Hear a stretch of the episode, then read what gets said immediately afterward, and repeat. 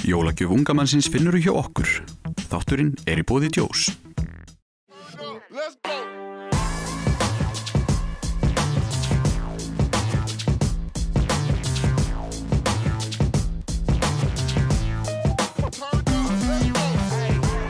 Já, komið sæl og velkomin í taktíkina. Í þessum þætti ætlum við að fæta um crossfit og handbólta, gerist ekki betra. Fæ til mín tvo góða gesti, annars vegar Björk Óðinsdóttir hins vegar Andra Snæ, leikmann K.A. í handbólta. Byrjum á Björk. Velkomin Björk. Takk fyrir. Þú ert núna að æfa á, á Akureyri, hvernig kanntu við því? Ah, Bara rosa vel. Ótrúlega gaman að koma aftur heim og, og, og vera svona með sínu fólki. Nú er crossfit, þetta er svolítið öðruvísi íþrótt, svo þegar ég byrjaði að fótbolta þá hefur maður svona einhver ædol til þess að horfa til David Beckham. Já. Crossfit er það nýtt að þú hafði það ekki. Ekki beint, sko. Anni var svolítið samt svona á undan að byrja að fara og keppa og maður vissi að hún svona einhvern veginn ruddi brautina aðeins svona fyrir okkur. Það voru stór mót og hún hefði svona kontakta hann að maður gæti svona, svona svolítið fyllt henni. En svona eins og að bara svona horfa hvernig tækni og æfingar voru var ekki, maður horfði okkur YouTube-vídeó og einhverjum gerir þetta alveg bandvillust og reyndi að gera svoleiðis en þannig að maður þurfti svolítið að læra þetta frá grunning. Dag er þetta orðið betra en þetta er ennþá að vaksa. Akkurat, akkurat. Þetta, þetta er farið úr bara hvað árið 2013 stöðar í, í 13.000 stöðar. Já, þetta er alveg klikkun sko. En hvernig hafa svona mótin vaksið líka? Þau hafa nú breyst svolítið með Mjög mikið sko, aukist. Þetta er tví, tvískipt íþróttum við segja. Þetta er eiginlega, crossfit er eiginlega æfingarform fyrir alla, þú veist, fyrir ömmu mína líka skilur. Þetta er eiginlega bara svona uh, hugmynd að hreyfingu. Hvernig hún er sett upp og hún ert alltaf í hóp og þetta er svolítið svona, ég get æft með ömmu minni skilur. Við getum gert hérna sömu æfingur og ég ger hana svolítið erfiðar en hún gerir hana á sínum hraða og kannski breytir ölliti æfingun sem hendar henni. Þannig að það er svolítið lokkandi og það er margir sem að, þess vegna er þetta orðið svona stórt. Það er svo margir sem geta farið í þetta. En svo er keppnisíþróttin CrossFit og hún er dálítið meira crazy, ég maður segja svolítið. hún er, já, orðin svona svolítið, svolítið stór og náttúrulega mikið áhorf á hana þar sem margir tengjast þessu svona vel. Þetta er öðruvísi en kannski, þetta er svolítið kannski meira eins og fótboltinn. Það eru margir sem hafa að spila fótbolta og eru kannski ennþá eins að spila bolta þó þau séu kannski ekki að keppa á háu leveli þannig að þeir horfa náttúrulega á bestu liðin. Akkurat. Þannig að þetta er auðvelt að vaksa svona áhrendavænt og, og skemmtileg íþrótt að þú getur tengt við þó þú sétt bara hérna 60 einhverstaðar og snýpur af crossfit þá getur einhvern veginn samt horta á stórmótin og, og svona ó þetta er glæriðt, ég pröfaði þetta um daginn og þetta var og þau eru að gera þetta þú veist með 30 kílóum og að gera svona svona, svona skilur þannig að Akkurat. Það er svo skemmtilegt líka við sportið eins og að skora mörk í fótboltanum en þarna, Mhm. þú getur alltaf verið að setja ný og ný markmið að gera þetta og gera þetta tíu sinnum þarna, svo gera þetta 11 sinnum, 12 sinnum, bæta aðeins við þyngdina. Það er svo auðvelt að ná aðeins smá bætingum. Já, þú sér það fljótt líka og það er svo mjög lokkandi, ekki bara hvernig líka menn kannski breytast þegar líður betur heldur líka bara, vá, ég er augljóslega að vera betri bara, ég gerði þetta þessa æfingu fyrir þrejum mánuðum síðan og núna er ég þrejum mínútum fljótari með hana þannig að augljóslega er stónum með betra þól og er það sterkari þetta er svona, já, þægilegt og þetta, þú ert ekki einn í ræktinni með headphone-in, sko Já. þú veist alltaf einhverjum hóp og búið að skipulegja tíman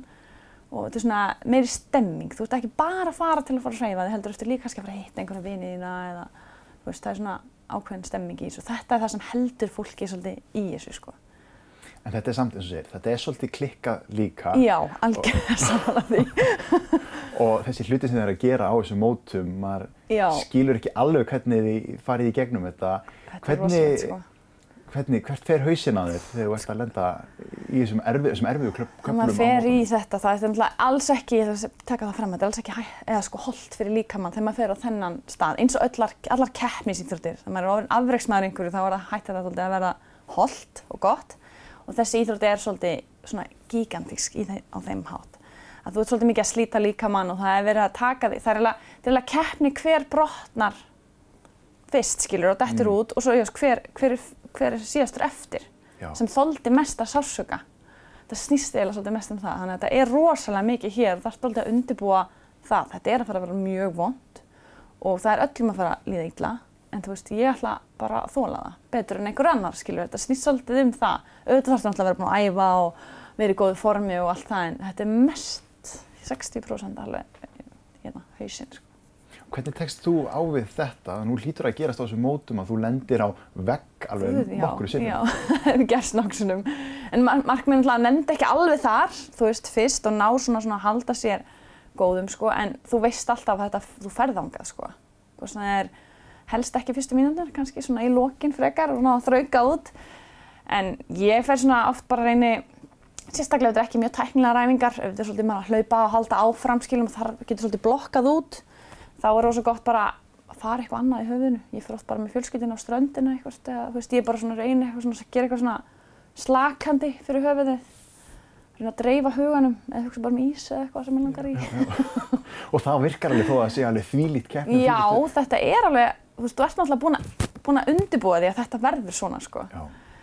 Og auðvitað æfa sig í því, augljóslega, en, og líka kannski æfa því í því að þú ert bara einn og enginn er endilega að hvetja þig. Auðvitað er það auðveldur að svo komin á keppnina og það er fullt af fólki að öskra á þig og, að, og hjálpa þér áfram, skilur, og að, auðvitað vinkunni þín er að keppa við þig hliðina þér og halda áfram líka og gefstu ekkert upp, skilur. En, en þetta er alltaf mjög erfitt, en samt einhvern veginn svo geðvitt gaman þegar maður næra að klára þetta. Svo er þetta svo fjölþætt íþrótt, þetta er blanda af alls konar típum af, af liftingum og, og reyfingu. Eh, Það hlýtur að krefast þið svolítið þegar þú ert að undirbúa undir þessum mót, þú ert að undirbúa undir ansi margt. Já, það er rétt. Þess vegna er svolítið skemmtileg íþrótta því að þú veist, þú ert með einhvern bakgrunn, kannski, já, segjum við sért körfuboltakona, sem ég er með nokkrar vinkunum mína sem hafa verið í körfubolta áður og ég er í fimmleikum. Við erum með svo misjafnan styrkleika sem er samt svo skemmtilegt. Hún er góð einhverju sem hún getur kent mér og ég er góð einhverju sem ég get kent henni. Þannig að svona, saman sapna svolítið ólíkum íþróttamönnum hafa einhvern veginn sapnast svolítið að í crossfit. Þess að það hefur verið nú að þetta er svona nýtt sport og margir hafa svona farið í þetta eftir að hinn ferillin hefur tekið enda eða meðsli eða eitthvað. Þannig að þetta er mjög svona, þú ert eiginlega alltaf að æfa því því sem þú ert minna góður í. Já. Sem, sem finnst það leðilegt náttúrulega. Æfir svolítið oft þar sem þið finnst ekki, ekki ekki heillandi en mér finnst ótrúlega gaman að einmitt verða betri einhverju sem ég held ég myndi aldrei verða góð í. Ég er fimmleika kona, við vorum aldrei að hlaupa sko, eða neinar þólæfingar. Lengsta þóli var kannski tvær myndur að dansa eða hoppa eitthvað. En núna er ég að, þú veist, kannski non-stop í 40-50 myndur. Mér finnst það ótrúlega gaman að ná að sigrast á því Já, já. sem ég er einhvern veginn ekki fætt til að gera og ég þurfti að berjast gegn mínum, þú veist, genum og öllu til þess að geta gert þetta. En þú kemur um þetta úr fimmleikonum, þetta er ekki eins og í fótboltanum, þú varst ekki með boltan við tætnar frá því þú varst tveggja ára og byrjar að labba. Nei. Þú byrjar í fimmleikonum, en þeir eru náttúrulega góðu grunn samt fyrir Mjög, þetta. Já, ég myndi segja það og nú, þetta breytist öruglega með árunum og nú er öruglega mjög gott að þú veist, vera með grunn í misjöfnum íþróttum og fara svo snemma í crossfiti með. Ég myndi ekki segja að það verði eitthvað í framtíðin þannig að byrji bara í crossfit sko, þryggjára og verði bara í crossfit að eilifu til þess að vera bestur. Ég held þetta muni ekki fara þann veg, ég vona ekki. Þetta er nefnilega svolítið svona, þetta er svona sama saman með öðrum íþróttum en ég held að það sé mjög mikilvægt að krakkar æfi sig í mismjöndi íþróttum og, og komi svo inn í þetta svona með. Þess að við erum að fá mikið að krökkum núna úr fimmleikum og fótbolta og sem eru svona að gera þetta svona styrtaþjálfun með. Þá hafa þau þann möguleika ef að hinn íþróttin gengur ekki á, hafa þau þetta líka. Já. Sérstaklega verið svona keppnisfólk sem getur ekki hægt að keppa. En nú lítur þetta, að, þetta lítur að breytast þegar þú ert að byrja að keppa er í til það að önnur viðmið og allir svona að reyna að fóta sig í því.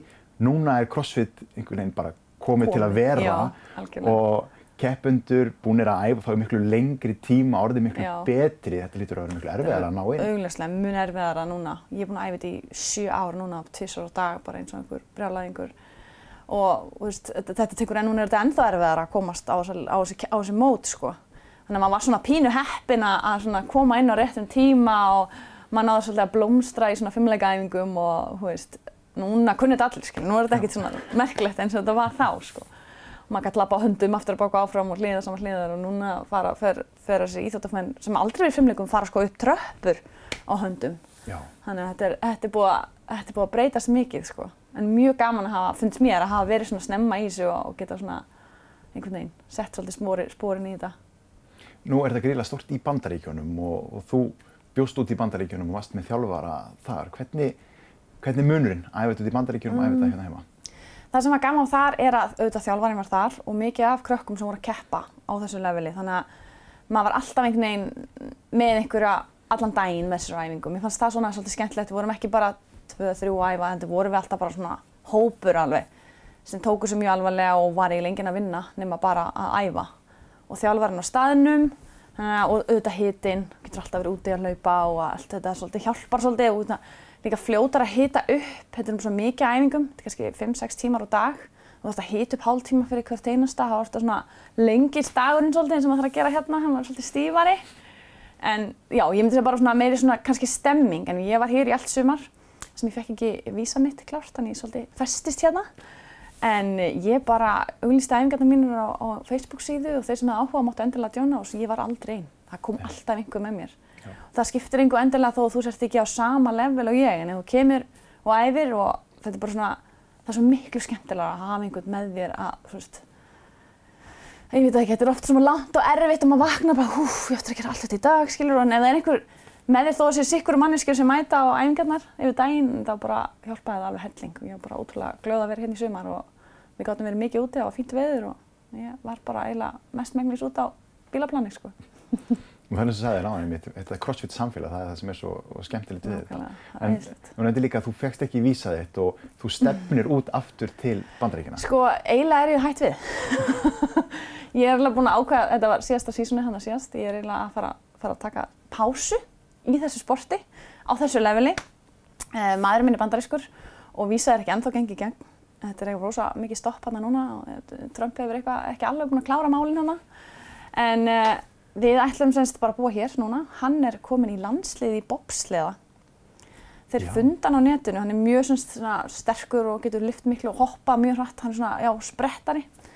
Þannig að hann hérna, fekk að fara í pröfur fyrir það, bara, þetta var bara að gerast núna í vor, já. Og hann bara komst inn og er búinn að vera að æfa það núna og keppi fyrsta tímabilið sitt núna og markmiða bara komast á olimpíuleikana 2022 í Kína. Þannig að hann er bara all in núna, þannig að núna er það svolítið svona, ég ætla bara svona aðeins að fara að festa mig meira hérna, vinna, hann fer og ferðarlegu meira, við erum eiginlega svona skip, búin að skipta um svolítið karakter í fjölskyldinni. Hann var meira að vinna og svona meira stabíl og halda allir gangandi, menn ég var út um allt á flakki og keppa en við ætlum aðeins að skipta um ról. Þannig að, og líka honum líka bara rosalega vel á Íslandi og bara spenntur að búa hér sko. Að vera fínt að loksins saminast líka aftur, þetta er tekið á. Já, þetta hefur gert það, þetta hefur verið mjög mikið fram og tilbaka og ég fekk ekki fyrir heimsókn, hann gæti bara komið til mín sko. Og þetta var alltaf bara langt ferðalagt, alveg nýju tíma flug og veist, svolítið, svolítið vesen sko. En þetta gekk, þetta er búið ár sem við erum búin að vera í svona fjárbúð. En nú er hann komin aftur og hann alltaf fer á keppir á þessum mótum en hann kemur alltaf aftur heim sko. Við erum búin að byggja eitthvað lítinn kofa upp í heiði og ætlum að vera hér allavega, eitthvað áfram. En það er alveg líf eftir crossfit, eða þú, þú heldur henni alltaf í crossfit, þannig getur alltaf verið í því, en, en það er líka hægt að fara þá yfir í aðrar íþróttagreinar því þú byggir upp bara sem halliða íþróttamanni? Alveg rétt, þannig að þetta er ótrúlega svona góðu grunni fyrir alla. En mér, það er hættulegast er að vera kannski nýbyrjar í þessu, gera, þú ert kannski í fjölskyldu, fullir vinnu og þú veist, nóg að gera og ætlar að æfa hann einn tíma á dag og langar að æfa eins og keppnis afreiksýþróttamæður. Þá er það svolítið svona, getur svolítið farið í meðslinn. Það er það sem er svolítið svona hættulegt við crossfit. Fólk horfir bara á keppninnar og bara, ó, ég ætla líka að gera þetta. En er samt með, þú veist, alla þessa hluti. Við sem erum að æfa svona mikið, við erum bara í þessu sko. Bara sofa, borða, æfa og gerum ekkert annað sko. Og þannig að þetta, það er svona stæðstu mistökin sem byrjandi í crossfit að fara svolítið að hoppa inn í það kerfi sko. Bara fara að æfa eins og einhver brjálæðingur. En þetta er ótrúlega skemmtilegt og ég mun halda mig bara í fungformi og ég bara fara í tíma núna og bara nýta þess að æfa með vinkonum mínum og mjög skemmtilegt.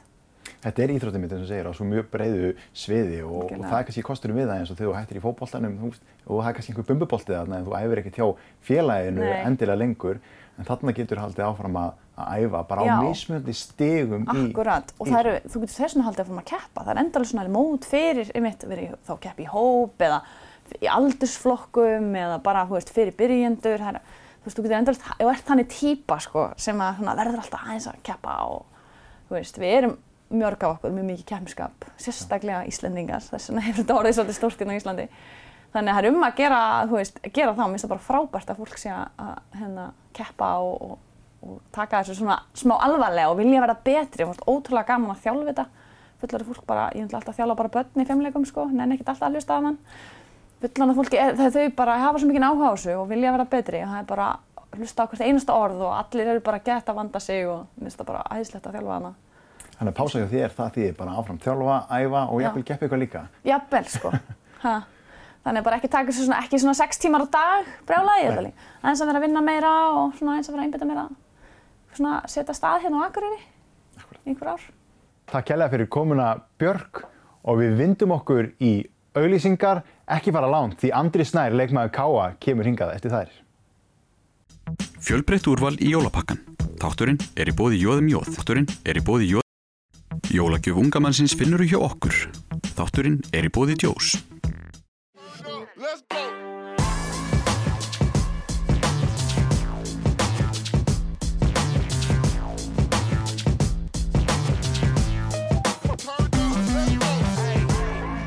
Já, við höldum áfram.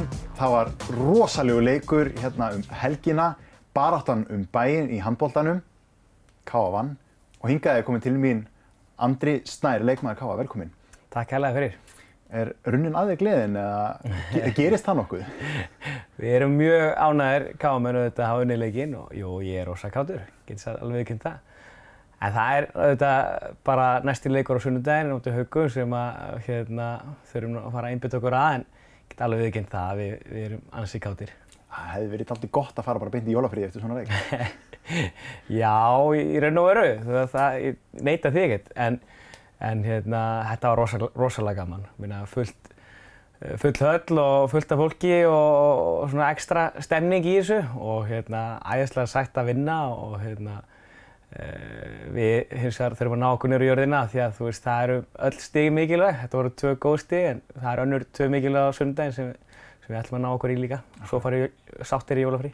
Þetta voru samt svona næstuði aðeins fleiri en tvö stík. Þetta var, við getum talað um fjárastæga leiki, þá er þetta alveg svoleiðis leikur. Já, alveg heldur betur, alveg hár rétt. Það voru góð, góð stið upp á það að gera. Við erum auðvitað í, í botbaratunni og hérna, við erum búin að vera að tapa þessum leikjum við liðin sem að, eh, við erum að berjast við. Það er að segja fram á gróta, við töpum, töpum út þessum liðum sem var súrt en höfum svo náð í góð stig á mútið toppliðinum. Þannig að uh, þetta voru mjög mikilvæg stig, klárlega fyrir okkar baratu. Hún nefnir líka stúkuna, sko. Við verðum að tala um hana. Tróðfull stúka, ruggluð stemming. Já, ég, sko, ég er orðinn eh, 32 ára og ég fekk sko gæsáð bara í uppbytun. Hérna, þegar maður byrjuði á trommurum að hvetja sín lið og, og, það var þvílgu kraftur báðum megin og mér fannst nú eiginlega aðeins meiri kraftur í, í káastúkunni sem að, hérna, ég segi, fekk mig til að fá góða gæsáð, sko. Það var ótrúlega gaman að spila í þessu og svona, svona veit maður hafa þetta, sko. Þetta var bara ótrúlega gaman og þetta er nú ástæði fyrir að maður er í þessu, er að hérna, spila svona leiki, sko. Þetta var mjög gaman. Nú slitnar upp samstarfinu hjá K.A. og Akureyri, bæði liði í, í fyrstu deild, fara bæði upp um deild. Hérna sjáum við daldið hvað þýðingu þetta hefur þessi, þessi leikir um bæinn. Þú veist, svona stemming var ekkert á leikjónum áður.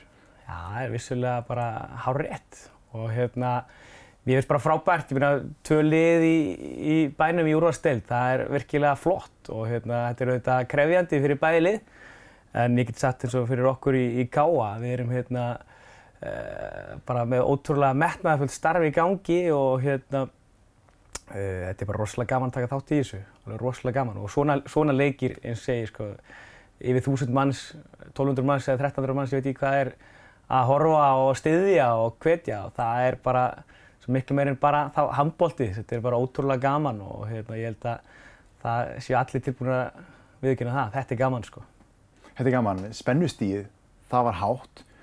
Náðu það ekki alltaf til leikmanna og maður sá það eins og þarna þið voruð að sigla fram úr þetta var svona orðið svona, hann manni fannst aldrei örugt en síðustu tíu, hann voru ekki góðar. Já, alveg réttið þér. Við, við hérna, vorum kannski farin að fagna það snemma, ég veit það ekki. Við vorum klaufar að leipa þeim svona vel inn í, inn í þetta og hérna að því við spilum frábælega í fyrirháleik. Uh, sennilega bara besti sóknarbolti sem við erum búin að spila í, í vetur, síndum við í fyrirháleik. Frábæð leikur og hérna uh, svo hins vegar, einmitt, síðust tífinnar bara uh, gekk okkur mjög erfiðlega að skora og Arnar Fylkis var þeir náttúrulega frábælega hjá Akureyri og vörðin og þeim styrtist vissulega en, en við vorum bara slakir. Betur fyrir var Jóhann líka góður hjá okkur og varði góða bolta. En, en hérna, já, spennustíði var svolítið hátt, vissulega. Ég meina, við klúruðum döðafærum og vítaköstum og, og allt það en, en þeim mun sætara þá að klára þetta. Ardan kemur hérna inn og hann er með hvað 50% markvæslu í þessum leik og hann fór nú illa með okkur þegar liðum voru í, í fyrstu deildinni í baróttunni bæinn þá og voru menn ekkert að vera stressaði þegar hann fór að vera eins og berserkur. Ég segi kannski ekki stressaðir en Arnar er bara, ég þekki hann nú mjög vel eins og eiginlega já, bara alla í aðgröðuleginu, þetta eru góði félagi mínir og hérna Arnar er svona stuðkall og hann datt í stuð og sem betur við fyrir okkur þá, þá náðum við að tróða boltanum líka annars slæði fram hjá honum og, og ná að sigla þessu heim. Leikunum byrjar hann í fyrir háluleik, liðin skiptast bara á að, skora, síðan taka akkurir leikli þarna á 13. mínúti held ég. Og eftir það, þá siglið þið allir fram úr. Var steppið með einhverja svaka ræðu í þessu leikli? Já, við vorum mjög vel undirbúinir, sko, getið bara sagt eins og er. Við vorum mjög klárir og Heimir og Steppi voru búin að undirbúa okkur mjög vel. Og hérna, ég vissi alltaf að við myndum skora mikið, sérstaklega hérna, framan af, því að hérna, æfingarnar voru búin að vera þannig, mikið tempo og hérna, við vorum bara búin að leggja mik mikla vinnu í sóknarleikin. En ég held að bara það sem ger, gerðist var það að við náðum loksins að loka vördinni og hérna, fengum þá nokkur auðvöldmörkur hraðalöfum. En sóknarlega vorum við frábærir og áttum að skora fleiri mörk í fyrirleika mínum að því sko. Við, þetta var frábær handbólti og hérna, við vorum bara, eins og ég segi, mjög tilbúinir í þetta, mjög klárir og, og hérna, það skipti miklu máli. Það kom þarna tvö rauðspjöld með stuttu millibili á, á ykkar menn. Eh, það ekkit, hafði ekkert mikið að segja því allavega sildu þessi í, í land en... Já, ég held að það sé bara alltaf í svona slag. Það er alltaf rauðspjöld og þetta endar alltaf með einu eða jættifli og þetta er bara eitthvað neinn, þetta er bara saga sem endur tekur sér alltaf sko. Það er bara leikur sem þurft að enda með í einsmarkamun. Já, já, það er bara þannig. en núna, nú ert þú leikjast í leikmaðurinn þannig í, í handbóltanum hjá, hjá KA, þannig að þú ert svona reynsluboltinn inn á, inn á vellinum. Uh, þitt hlutverk, það er hvað að aga menn til og, og segja menn til hann inn á vellinum? Já, ég, ég er, núru, er klárlega að hérna, miðla minni reynslu og við erum með fullt af ungu strákum í liðinu. Við erum með rosalega mikið af heimamönnum sem eru uppaldir í félaginu og hérna, sem eru svona að stíga sín fyrstu skref og sem dæmi þá erum við með Dag Gautarsson sem er já, eitt efnilegast í handbóltamöða landsins og hérna, spil, við spilum sömu stöðu og ég er að reyna að styðja við hann og hjálpa honum og auðvitað líka við alla hinn að strákana í liðinu og hann er ekki búinn að spila, spila svo sem ekki mikið framann af vetri en svo koma meðsli og annað og þá er maður tilbúinn að hoppa inn og hérna, það er svona mitt hlutverk sem fyrirlið að, að vera bara til stað fyrir liðið og, og peppa menn í gang og maður er svona stuðkall hann. Hvernig finnst þér að spila með þessu nýja Káa liði? Nú spilar það í Káa heimilinu undirmerkjum Káa, kemur nýr Káa þjálfari aftur heim og Já. Já, hvernig tilfinning er þetta? Ég sko get alveg sagt það, ég meina e, þetta er ótrúlega gaman að taka þátt í þessu, alveg rosa gaman og hérna við eins og ég sagði á hann sko, við erum, við erum langt flestir uppaldir í félaginu sem skiptir ótrúlega miklu máli og hérna við erum að leggja rosalega mikla vinnu á okkur, hérna samáttu við allt, allan pakkan, hvort sem það eru fjáralblanir eða, eða hérna æfa eins, eins og brálaðingar og hérna þetta, er, þetta gerir þetta bara ekstra að hérna, gera þetta fyrir uppbyldisfélagi. Það er bara frábært, rosa gaman. Og þessi stemming, hún skýra sér niður í yngreflokkana og þú ert nú að þjálfa þar líka. Við tökum aðeins púlsinn á yngreflokkaþjálfuninni hjá K.A. Já. Já, við erum hérna klárlega að leggja mikla vinnu og mikið metnaður í hérna yngreflokkastarfinu hjá K.A. Uh, sem að felur í sér að Jónatan Magnússon og Stefán Átnarsson eru þjálfarar í fullu starfi hjá félaginu og hérna, það er bara frábært, þeir eru ótrúlega metnaðfullir og duglir og svo eru við margir aðrir að þjálfa líka og hérna, það er allir bara hjálpa stað og, og, þetta tekur ákveðin tíma og, hérna, ég er svo samfarið um það á næstu árum þá mun þessi vinna skila árangur í, meistarflokk og við munum halda áfram að fá bara uppalda káastráka í, í, hérna, í meistarflokk og það er auðvitað bara markmiðið með þessu og auðvitað bara ótrúlega gaman að taka þátt í svona metnaðfullu verkefni. Það er mjög gaman í handbóltanum í Káa, ég get sagt það. Þannig að markmiðið það er ekki bara að halda sér í ólísteildinni, það er líka að búa til þessar leikmenn sem að já, fara langt, fara út í landslið og alla leið. Já, klárlega. Meina, það er, er markmið nr. 1, 2 og 3 að halda okkur upp júrastild. Það er, tekur tíma. En svo eins og ég segi, já, þá hérna, erum við með metnaðvöld verkefni í gangi með mikið af þessum strákum og nokkur er að fá bara stór hlutur núna í meistarlokk sem að hafa uh, lítið spilarinn og í meistarlokk og eru ungir. Og hérna, eins og ég segi, það er bara verið, verið að hérna, setja það svolítið í djúbu launa og, og, hérna, og það bara hjálpa þeim sem allra mest og, og ég held það sé ekki spurning að við til að fá líka atvinnumenn úr gáa á næsta árum. Ég, það er markmiðið. Ef við tölum þetta þjálfara teimi, Stefán Árnason og, Heimi, hvernig, hvernig finnst þér að vera á æfingum og í leikjum undir þessum stjórn þessari gæja? Já, bara þetta eru frábæri þjálfarar og ótrúlega mikið passion og þeir eru náttúrulega báðir uppaldir líka í félaginu sem að skipti líka máli. Þetta er svona, e, þetta er mjög skemmtilegt dæmi og þeir eru ólíkir en vinna mjög vel saman og heimir auðvitað líka að spila sem er frábært fyrir liðið. Hann er rosalega mikilvægur e, bara já, ótrúlega drjúur í, í liðinu ennþá og sem var þeim færtugur. En, en hérna, en þeir eru bara rosalega flottir og, og, og eru, eins og segi, þeir, þeir eru mjög ákveðnir við okkur og, og setja mikla kröfur og, hérna, og það er gaman að taka þátt í svona lögu. Svona þeirri stíl sem, sem þjálfara teimis, nú hefur þú upplifað alls konar þjálfun og alls konar þjálfunar aðferðir. Hvernig, hvernig hendar þannig? Já, bara mjög vel sko. Þeir eru náttúrulega, eins og segi, þeir leggja mikla áherslu á að við séum orkumiklir í leikinum og, og uh, þorum að sækja og það er kannski líka, ég meina, ástæðan fyrir að við erum búin að vera svolítið jójóast þannig sé, við hérna, við hérna höfum stundum fengið á baukinn en, en, en hérna, en ég, ég er rosalega gladur og ánægður með þeirra störf. Þeir eru hérna, eins og segi, setja mikla kröfur á okkur og hverjum einasta leik á að ná í stig og það er líka ástæðan verið því að við erum búin að ná í stiga móti toppliðinum sem en- enginn reiknaði með held ég svona utan við liði og hérna, en það er bara svona pjúra þeir, þeir eru mjög metnafullir og, og það á bara að fara í ein, hvern einasta leik og setja allt í þetta, all orkuna og, og ná í stig og, og ég hef mjög gaman að því, bara fulla ferð.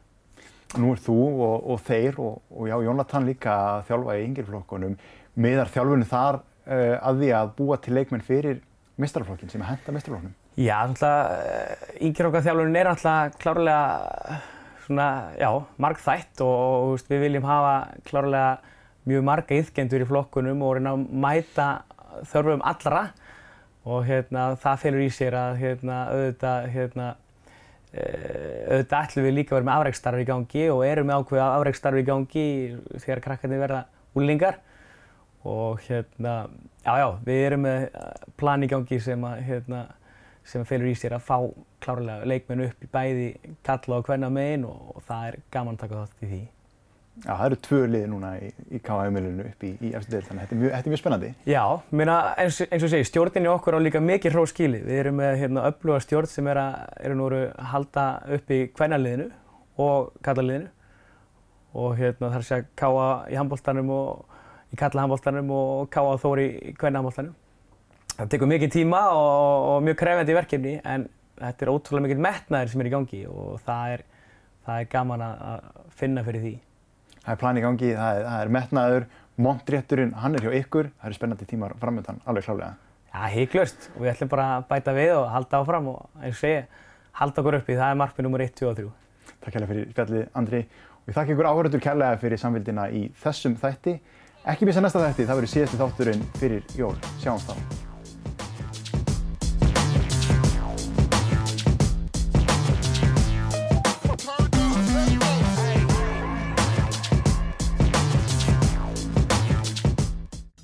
Fjölbreytt úrval í jólapakkan.